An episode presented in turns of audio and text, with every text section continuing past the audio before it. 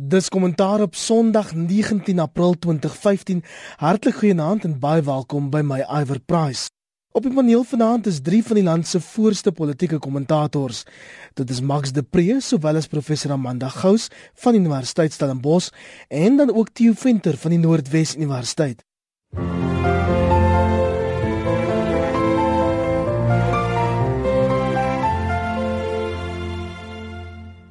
Kollegas, die nuus word steeds oorheers deur die aanvalle op buitelanders wat die week na verskeie dele van die land uitgekring het.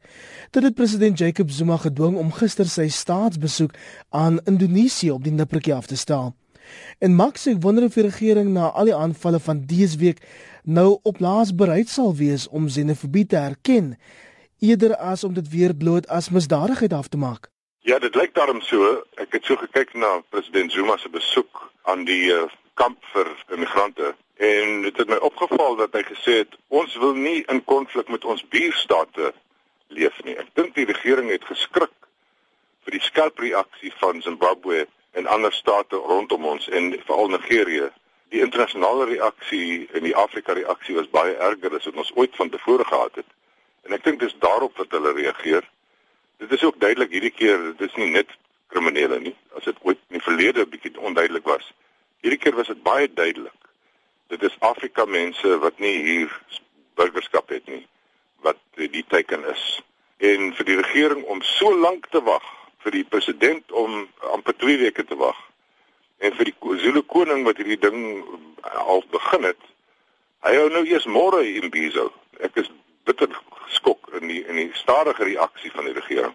Amanda, dis eintlik maar 'n Suid-Afrikaanse siekte hierdie wag en skrikkerig wees om jouself teen 'n ding uit te spreek so gou as moontlik. Dit lyk nie asof die regering enige iets geleer het uit die 2008 situasie toe daar oor die 10000 mense verplaas is en wat daar hier in die Wes-Kaap tente was waarin mense vir baie lank, meer as 6 maande gewoon het. Dit bekommer my dat die regering ingryp as die buurlande eers begin kla. Met ander woorde, dit gaan meer oor die verhoudings met die buurlande as dit gaan oor die mense wat wat doodgemaak word. En jy weet, ek dink ons ek het 'n probleem met die met met die konsep van xenofobie om te sê dis iets anders as kriminaliteit. Want dit is kriminaliteit. Nee, ons gee dit nou 'n naam en omdat ons dit 'n naam gegee het, kan ons nou mense soek om te blameer.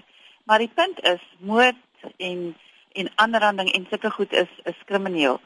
So jy weet ek um, ek dink nie mense moet daai onderskeid tref nie daar's ander mense wat nou praat van afrofobie. Met ander woorde, dit gaan 'n swart op swart geweld. Ehm um, en ek ek dink ek wat vir my goed is is dat die buurlande 'n sterk standpunt inneem. Nie in 'n uh, uh, in Zambia het hulle nou al die Suid-Afrikaanse musiek van die radio afgehaal. Malawi is besig om ons mense uit te skop. Ehm um, so jy weet ek dink daar moet gevolge wees wat wat ons kan voel en dis jammer dat dit vir ons 'n ekonomiese knou gaan gee maar dit lyk nie vir my asof ons leer voordat ons nie gevoel het. Dit is eintlik belaglik hoe gou hierdie ding uitgekring het tot vermeende dreigemente van die terreurgroep Boko Haram wat Suid-Afrika dreig as 'n nie ferm teen vreemdelinge haat sou optree nie. Ja, ek kyk met groot hartseer na die hele storie en ons weet dit loop al vir baie jare. En ek was op 'n stadium in die FSA met met navorsing toe daar xenofobie in New York uitgebreek het. En ek was nie ver daarvan af nie. En dit was gewees tussen tussen mense uit Vietnam en en Spanjaarde wat uit uit ehm um, hoofsaaklik Mexiko gekom het, Meksikane en en en daardie ehm um, vuur of daardie emosie van xenofobie is toe nou verder daarop gegooi deur swart Amerikaners wat gevoel het dat hierdie twee groepe ontneem hulle van hulle brood en botter, hulle werk, hulle ekonomiese bestaan op die laagste vlakke van ekonomiese um, aktiwiteit. En ek dink in Suid-Afrika is daar 'n soortgelyke prentjie. En wat wat aan die gebeur is is die die ouens wat vlug uit Afrika.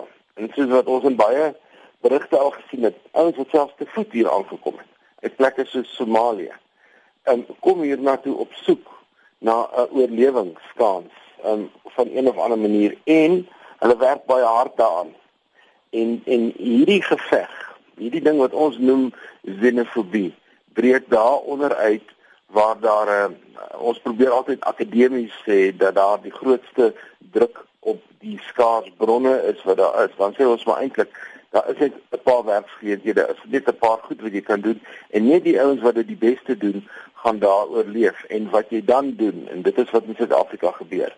Dan neem jy die buitelanders kwaliek omdat hulle oënskynlik beter vaar as jy.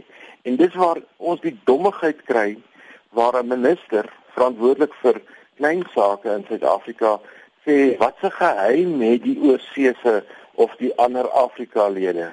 En dan die laaste dimensie van wat ons beleef iwer is dat um, ek dink dis 'n skok op die gestel van die regering om te kan erken dat almal wat in Afrika leef nie noodwendig in vrede met mekaar leef nie.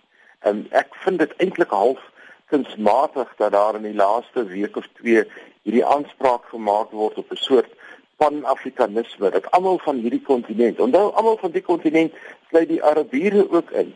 Dit sluit wit mense ook in en dit sluit swart mense ook in. Ek dink hier is ons het baie stof tot nadenke na hierdie laaste 2 weke. Terloops beide Zimbabwe en Malawi het vroeër vandag busse gestuur sodat mense wat eerder wil huis toe gaan dit maar kan doen. Max, wil jy verder uitbrei oor die sake implikasies van die xenofobiese aanvalle? Ja, ek dink dit is ook wat die regering 'n bietjie laat skrik het, eerder as die menseregte vergrypings. Ons moet weet dat ons ekonomie groei am, amper die sterkste buitekant ons grense. As jy maar kyk na Shoprite en Checkers en en al daardie soort van uh, maatskappye, MTN, hulle groeipotensiaal is in die buurstate. En dit is mos nou nie 'n onredelike reaksie vir mense van uh, Nigerië en en Zambië en Zimbabwe om te sê maar as julle ons so behandel, gaan ons julle hier by ons straf. So daar's klompe mense wat al teruggekom het van Suid-Afrikaners wat daar werk. Uh dis die laaste ding wat ons ekonomie nou kan bekostig is om om uh hier in ons eie vasteland uh swaar te kry. Maar ek dink tog iewers ons moet ook 'n ander ding ingooi. Ehm um, dit is nie heeltemal onverwags nie. Ons sou nie na 2008 gesê het ons sal nooit weer xenofobie kry nie maar daar Suid-Afrika is op die, op 'n punt nou wat baie fragiel voel vir my. Soort van die meeste mense voel so half kom die wiele van die land af of nie. En en die, en die die swart woede wat ons gesien het uh in die laaste tyd in die plaaslike gemeenskappe oor dienslewering, maar ook oor simbole op universiteite, uh meer radikale stellings wat gemaak word. Uh alles dra by tot 'n hoër temperatuur En ek het so gekyk na al hierdie mense wat so verskriklike kere gaan in Jeppe staan en in in, in Durban. Eh, dalk is daar 'n bietjie van hierdie woede wat oordra. Dalk is daar 'n aanvoeling van hierdie temperatuur van goed moet nou begin verander.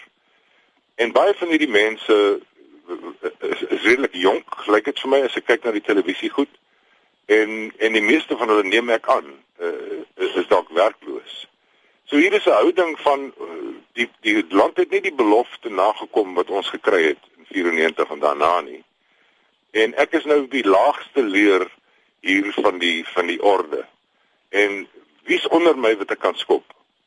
Jy weet as jy as jou baas jou jou sleg behandel, kom jy by die huis en jy skop jou hond. Jy soek iemand onder jou. Jy soek dis 'n magteloosheid.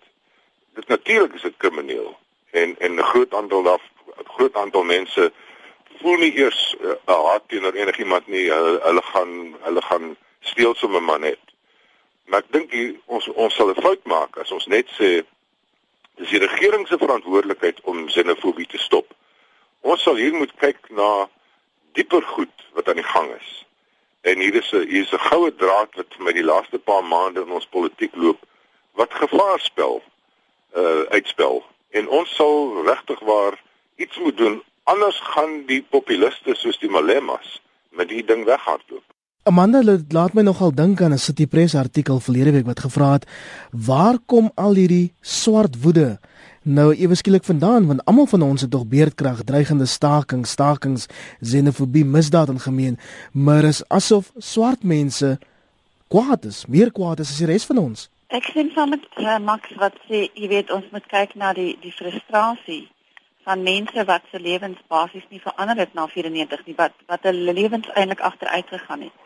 So jy het situasie ehm um, waar waar mense gevoel daar is nie transformasie of daar was nie transformasie na 94 nie dat wit mense hulle wit bevoordiging bou het en dat jy weet 20 jaar na na die transisie ehm um, gebeur daar eintlik baie niks dat mense sodat hulle beter af is nie met die hoë werklikheidsyfer veral onder jong mense. Ehm um, nou dit is baie interessant uh, dat in die uh, Lusaka Times hierdie week het 'n uh, het 'n uh, joernalis van van Zambia geskryf oor die feit dat as ons nou gaan kyk na die standbeelde wat omgetrek word uh in Suid-Afrika en dan kyk ons na die swart mense wat doodgemaak word die buitelanders. Dis skryf hy kolonialisme is nie verby nie. Ehm um, die Suid-Afrikaners rig nou vir hulle die grootste standbeeld van alle tye op en dit is om om hulle broeders en susters uit die res van Afrika dood te maak. En wat dit beteken is dat Rhodes haven't fall, fallen. Hy leef in almal van ons. Ons is eintlik Rhodes. Nou ek dink daai is baie interessante uitspraak. Met ander woorde, dit is ook daardie internalisering uh van die, van die hele kol koloniale projek wat by mense 'n sekere selfhaat kweek en en hy praat van selfhaat. Um omdat mense basies nog gesien word uh, of dat hulle hulle self voel as die undesirables, die die mense wat nie begeerlik is nie, die mense wat nie um aanspraak kan maak op eiendom en op 'n leefbare lewe nie. En jy weet ek dink ons moet dit dit dra by tot daai groot absolute frustrasie en en magteloosheid waarvan nou ek praat want wat kan mense nou doen om hulle omstandighede te verander ook omdat ons sulke swak leierskap het uh, aan die top. Daar weer twee weke wag die regering voor hulle iets doen. Ehm um, mense ons het 5000 ehm um, in die laaste 5 jaar meer as 5000 proteste gehad teen gebrek aan dienslewering. So daar is nie leierskap nie en is in hierdie vakuum wat ek dink ons nou voel dat alles 'n bietjie uh, 'n uh, bietjie ehm um, aan uh, soos anargie is want dit is die gebrek aan elektrisiteit, die staking by Medupi, die beelde, die xenofobie. En en mense raak bang. En ek dink Max is is is waar. Ons moet hierdie uh, wat hy sê is waar. Ons moet hierdie gevaarteken reg lees. Miskien moet ek net na die syfers begin en dan praat ek van daar af. Die nuutste opdatering van Statistiek Suid-Afrika sê ons 54 miljoen Suid-Afrikaners nou. Dis aangepas van 51 na 54 toe en die ouens wat navorsing doen sê daar kan enige iets tussen 2 en 10 miljoen vreemdelinge in Suid-Afrika wees en nou wys hulle 'n sekere anomalie uit en dit is dat ons het van die strengste immigrasiewetgewing op die Afrika kontinent maar die swakste toepassing daarvan.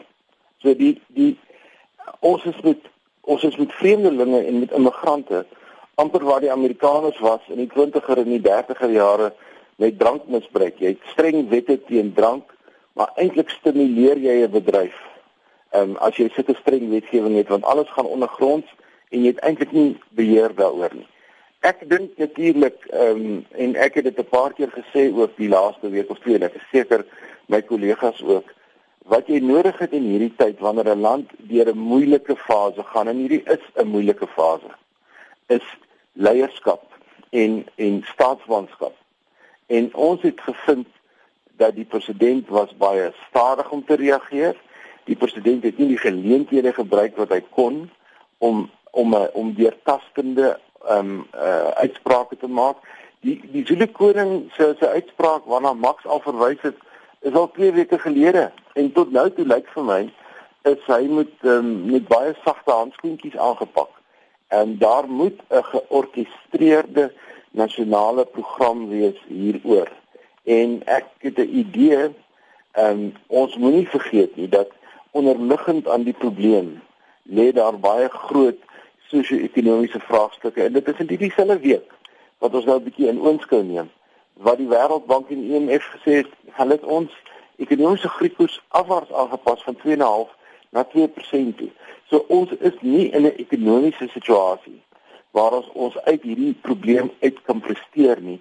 Ons gaan na ander goed moet kyk om te sorg dat ons ekonomie ehm die die draagkrag ontwikkel om van hierdie sosio-ekonomiese probleme te kan hanteer want dit is een van ons grootste enkele probleme is dat trae ekonomiese groei spoel uiteindelik oor in sosio-maatskaplike optrede. Jare jare jare gelede het 'n het 'n sosioloog in die naam van Davies het hy um, het hy hierdie modelletjie ontwerp waar hy gepraat het van relatiewe deprivasie. Met ander woorde, jy kom op 'n punt waar as jy na die omgewing rondom jou kyk, jy eintlik 'n soort moedeloosheid ontwikkel en sê ek gaan nooit bereik wat ek gaan bereik nie. En dan raak mense ryk vir dit waarna Amanda verwys het, 5000 ehm um, betogings oor dienslewering en dat wet en orde eintlik die slagoffer is van ons onvermoë om die situasie onder beheer te kry. Ek wonder of hier nie 'n 'n Zulu element hier is nie. En ek weet ons is nou op gevaarlike grond. En tweedens, ek dink die posisie van die Zulu koning is Willitini uh, gaan dalk van nou af baie verswak. Daar daar's nogal 'n nasionale ehm uh, ontevredenheid oor 'n koningshuis vir een taalgroep wat 60 miljoen uh rand in 'n jaar kry wat te kere gaan soos hulle te kere gaan en hy sy die koning se opmerkings was die sneller wat hierdie goed uh, begin het. As ons kyk na na Durban, Durban was dit Zulu sprekend in in in in Jeppeston was dit die Zulu sprekende hostels. So die ergste xenofobie het van Zulu sprekers afgekom. En en ek dink as dit waar is, is dit ontstellend. Is dit dalk 'n 'n 'n wys van die Zulu spiere van as jy met ons lol, dis wat ons potensiaal is om te kan ontwrig. Ek hoop dit is nie waar nie, maar ek ek, ek sien dit so onder die lyne deur.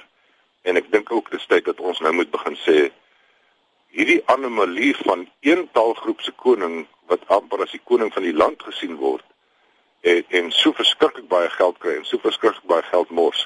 Ek dink daai debat is nou aan die gang. Kollegas, ons moet aanbeweeg tot ander nuus. Die burgemeester van Kaapstad, Patricia de Lille, is as die nuwe leier van die DA in die Wes-Kaap verkies. Sy het teen advokaat Leonard Max om die pos meegeding. Amanda skets vir ons die agtergrond. Jy's daar in die Wes-Kaap.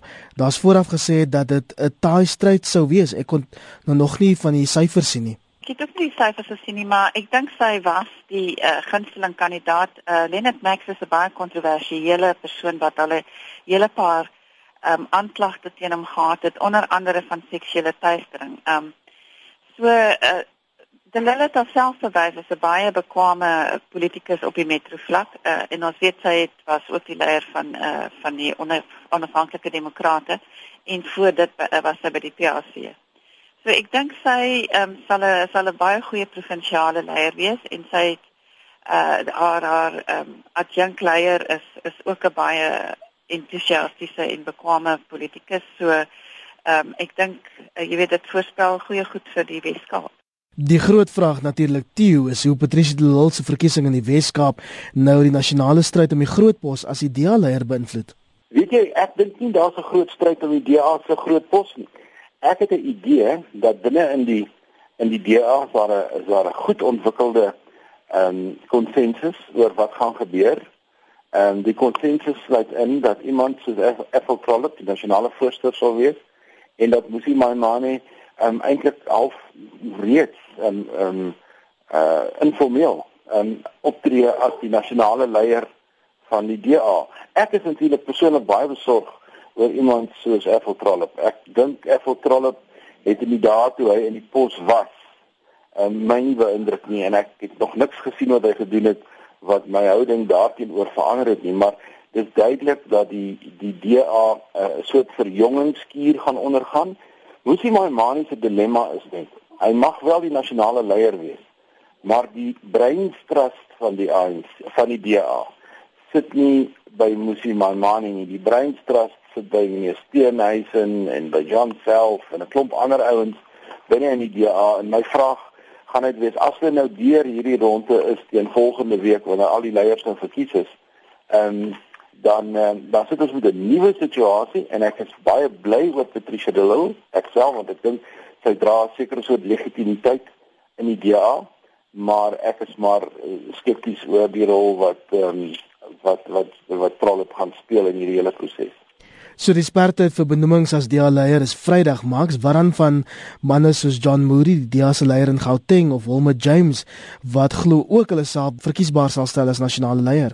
Ek dink ek is hier saam met Theo.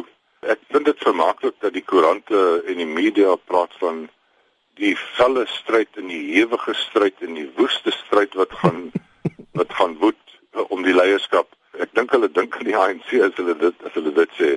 Die DA se prosesse loop baie gladder wanneer dit kom by die goed. En ek stem saam, ek dink nie daar's 'n vreeslike uh, teenstander vir Musi Maimane nie. Ek sou sê die Musi Maimane voor uh, geval is 'n man wat homself goed gevestig het hierdie jaar uh, in die parlement. Uh, een of twee of drie toesprake en dis wat ons politiek so vlak ons politiek ook maar is. Het hy gewys hy is wel ter tale, hy het 'n redelike karisma en hy het so 'n bietjie hy kan so 'n bietjie opstaan en en hard praat. Ek dink hy hy gaan instap. Ek dink nie iemand soos Wilmot James het daai soort van persoonlikheid nie. Hy, hy maak nie mense se se gevoelens wakker nie. Hy sweep nie mense op nie. Hy inspireer nie mense nie hy baie goeie uh politikus is. Ehm um, en die die vraag is dan nou eh, die ander ding wat ek met my vermaak is hoeveel mense sê ja, maar Musi my man is te jonk. Maar hulle sê hulle is te oud.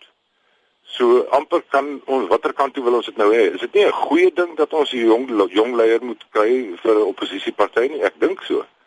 En en ja, dit is waar, dit is 'n dis 'n koalisie van die DA se koalisie van groeperinge wat partykeer op partyvlakke min met mekaar uh, in gemeen het.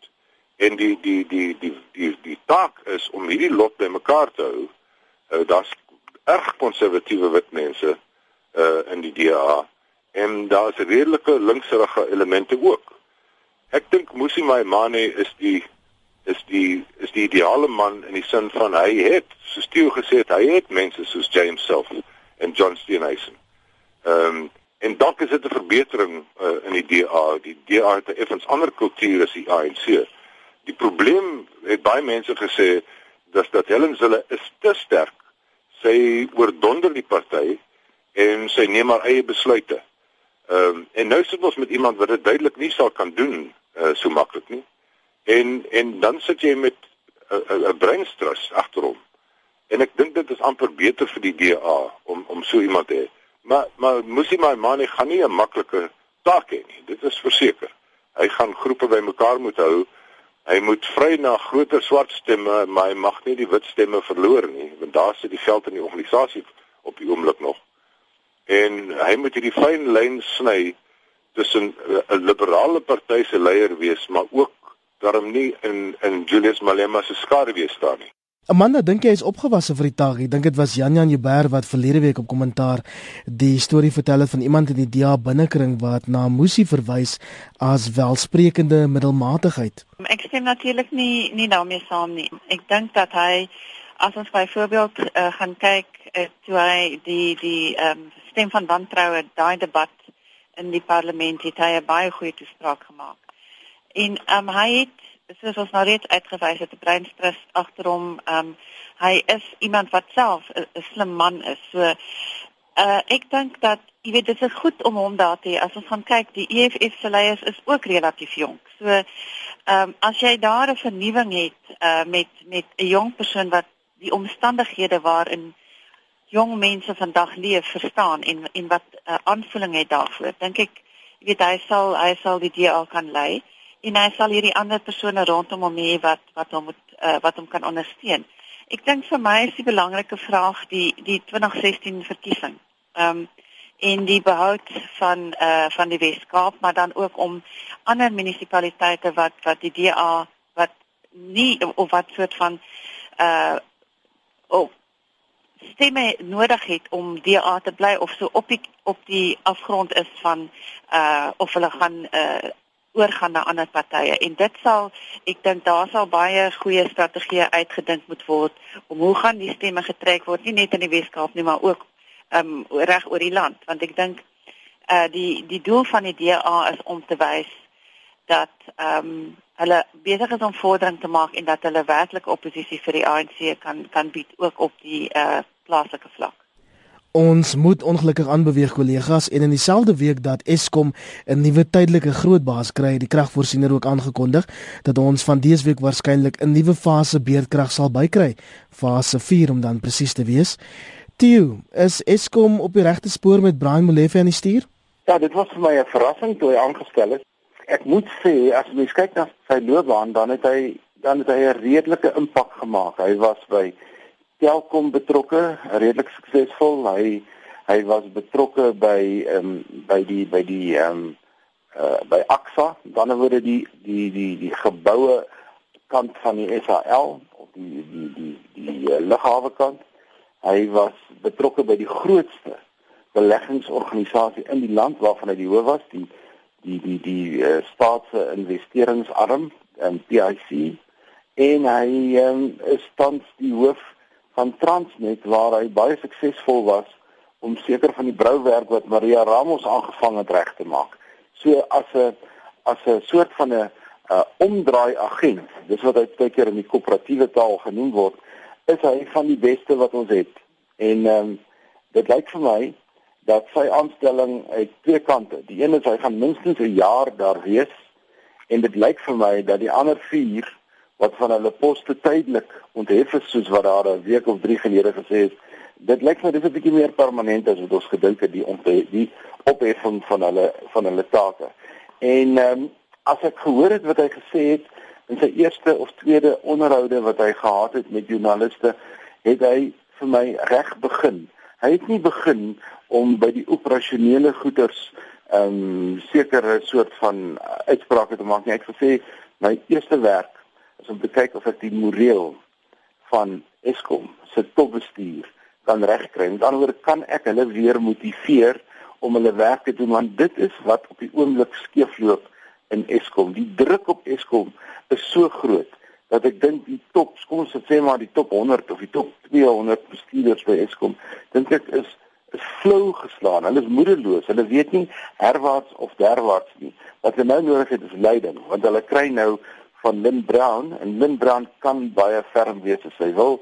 Kry hulle aan mekaar pak slaag aan die een kant en dan van die ander kant, ek en jy as die gebruiker, kry hulle die ander pak slaag en eintlik sien ons voor ons oë stadig maar seker hoe 'n monopolie uitmekaar val.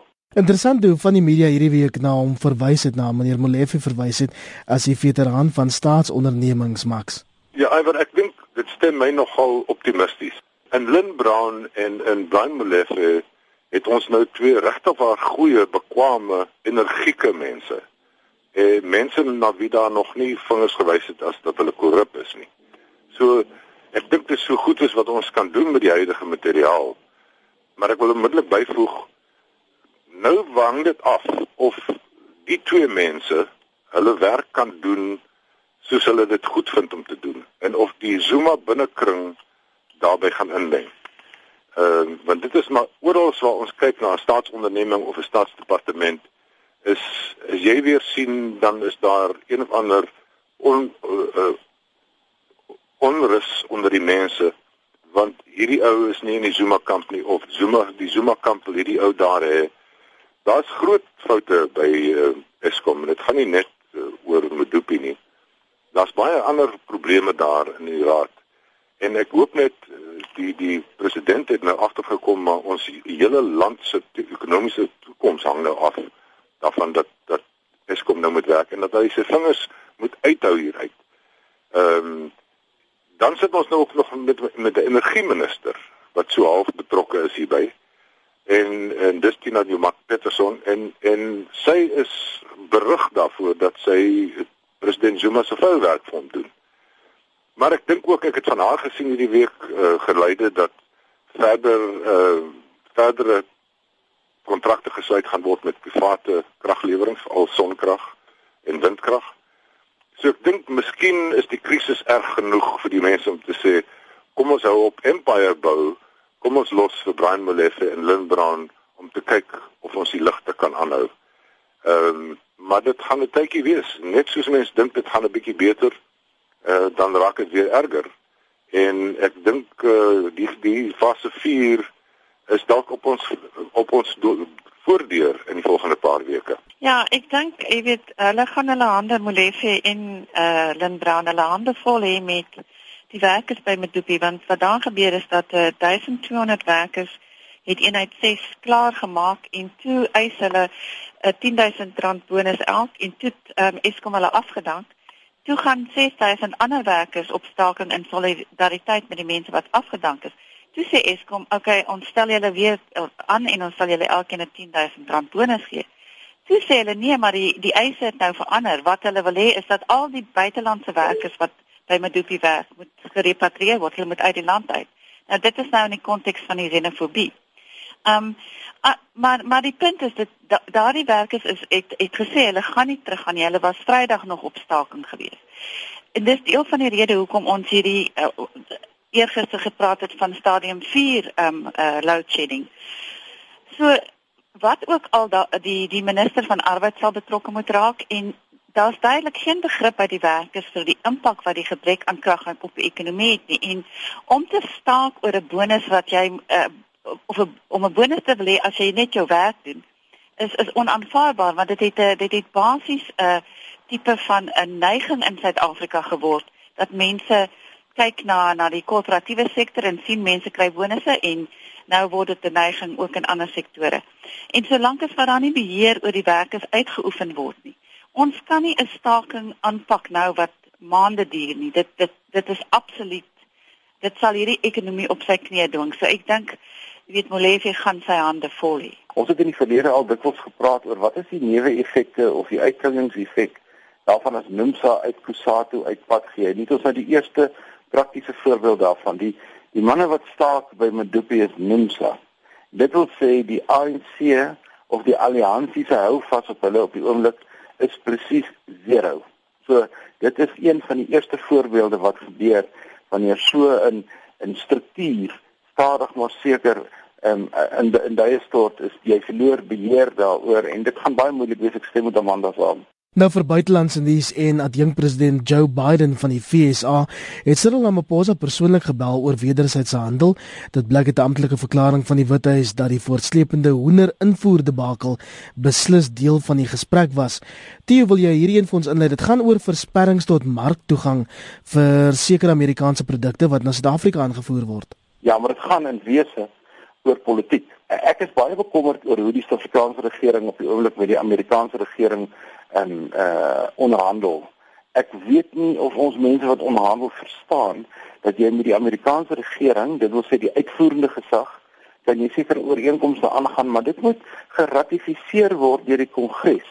En die Kongres op hierdie stadium is Republikeins en hulle is nie 'n goeie by oor Suid-Afrika nie. Nou, nou kom ons maak dit 'n vinnige ander draaitjie. Toe die Amerikaners en die Europeërs sanksies op Rusland begin toepas het, het die het die Russe gesê nou maar goed, ehm um, as julle sanksies op ons toepas, dan gaan ons ophou om julle hoendervleis te koop. En die volgende oomblik, dis daar 'n politieke probleem in Amerika want 10% van Amerika se uitvoere van kleinvee stukke, dit word die breinvleis genoem, met ander woorde die stukke wat die Amerikaners nie graag eet nie. En dis goed wat ons graag eet, dit is boutjies en bene en so aan. Ehm um, soek hulle toe toegang tot die Suid-Afrikaanse mark, maar die Suid-Afrikaanse mark het voor daardie tyd al probeer om genoegsaam maatreëls te skep om te vroeg dat die Brasiliane en 'n klomp ander mense, toevallig ons vriende binne BRICS, nie hulle hoenders in Suid-Afrika kom stort nie.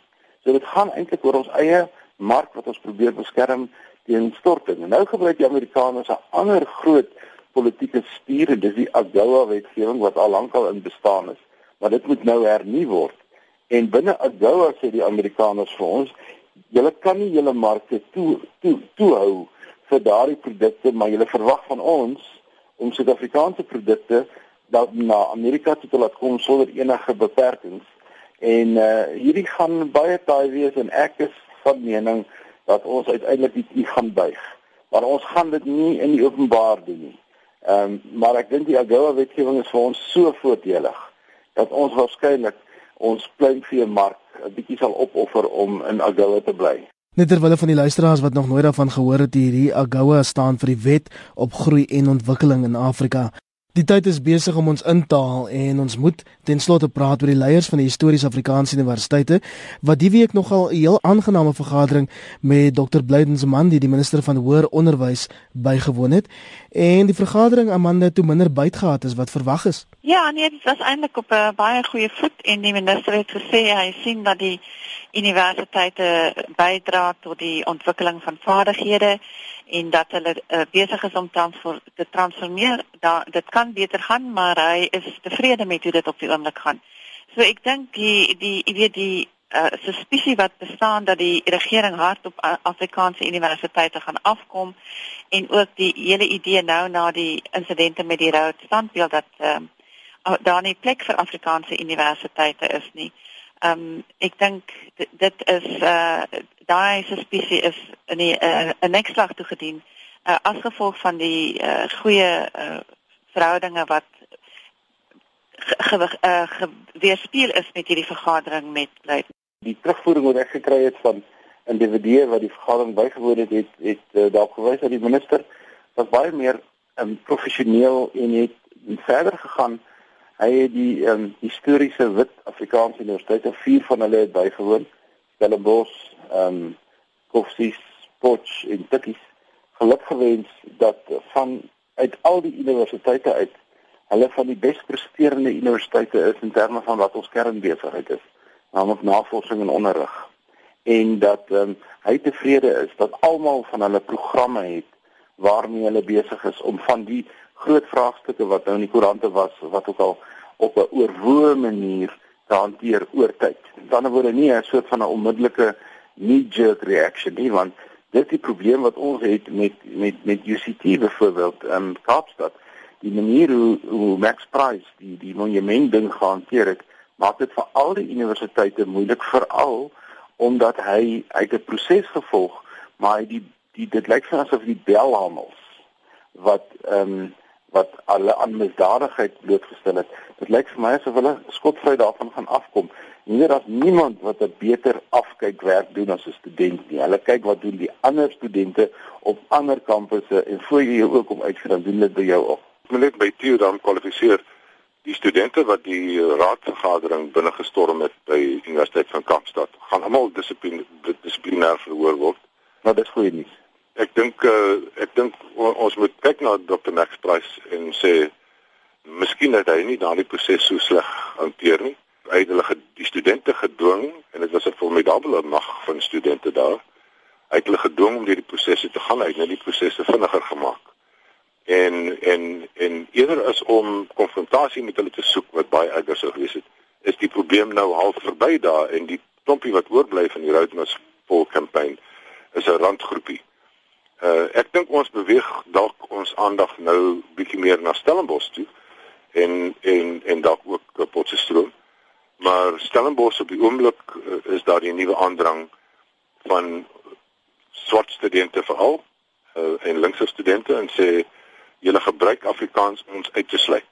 Dit is dan dalk nog nie heeltemal die waarheid nie, maar dis die persepsie. So daar sal mooi getrap moet word om hierdie situasie by Stellenbosch te ontlont uh want ons kan nie net toelaat dat Afrikaans net daar verdwyn nie maar daar moet 'n ander oplossing wees. Die die persepsie dat swart studente uitgehou word omdat hulle nie Afrikaans is nie sou ook die nek ingeslaan moet word. So daar's gaan daar gaan wyse koppe nodig wees uh want die druk daar gaan toeneem Ek weet dit sal jammer wees as ons nou weer met hierdie taaldebat moet begin want ons dit is nou al jare wat dit die uh, dosente en en die bestuur se energie opneem. En ons het wat ons nou het is is vertaling in die klasse. So studente kan vra dat hulle uh, uh hulle kry gehoorstukke en dan word daar nou vertaal. As die meerderheid in Afrikaans is, dan word dit in Engels vertaal en andersom. Andersom, maar die die versoek op daardie vergadering was vir parallelmedium. Nou dit is vir my 'n groot probleem omdat as jy parallel medium toepas, beteken dit dosente se werk verdubbel. Maar nie net nie, jy het nie 'n uh, 'n klas uh, besprekings waar mense mekaar se standpunte hoor nie. Dan het jy hierdie gepolariseerde klasse waar waar mense hoor nie ander standpunte nie en hulle dink hulle standpunt is reg. En dit bevorder glad nie begrip vir mekaar nie. Dit bevorder nie begrip vir diversiteit nie. So ek is baie um, gekant teen parallel medium, maar dit was die versoek en ek dink ons sal daai ding vinnig die die uh uh weet net daarvan ontslae moet raak. En Theo daar by julle is dit weer 'n ander uitdaging. Dis daai drie kampusse wat onder een sambreel gevoeg moet word. Ons het ons eie uitdagings. Dit sal 'n strategiese proses um, volg in die volgende 6 maande na 'n jaar. Ehm um, maar ek dink die proses is tans redelik ehm um, goed onder beheer. Ons ons het natuurlik met al die probleme wat beide Max en Amanda genoem het, taal is ook 'n vraagstuk um, en en transformasie kleer en dan het ons natuurlik die waarste kap ook verloor hierdie week en, en dit, ek moet dit op 'n op 'n hartseer noot sê. Ek het gedog ons het 'n kans, maar die koffsies was net beter. nou daai hartseer noot gaan ons vanaand met groet op kommentaar baie dankie aan die onafhanklike politieke ontleder Max de Pre Nancy Max. Nancy, dankie. Op Stellenbosch het ons gepraat met professor Amanda Gous van Universiteit Stellenbosch. Nancy Amanda. Goeienaand, Iver. En op Potch met Theo Venter van die Noordwes Universiteit. Nancy Theo. Goeienaand almal. Bly geskakel, finansiële fokus net hierna.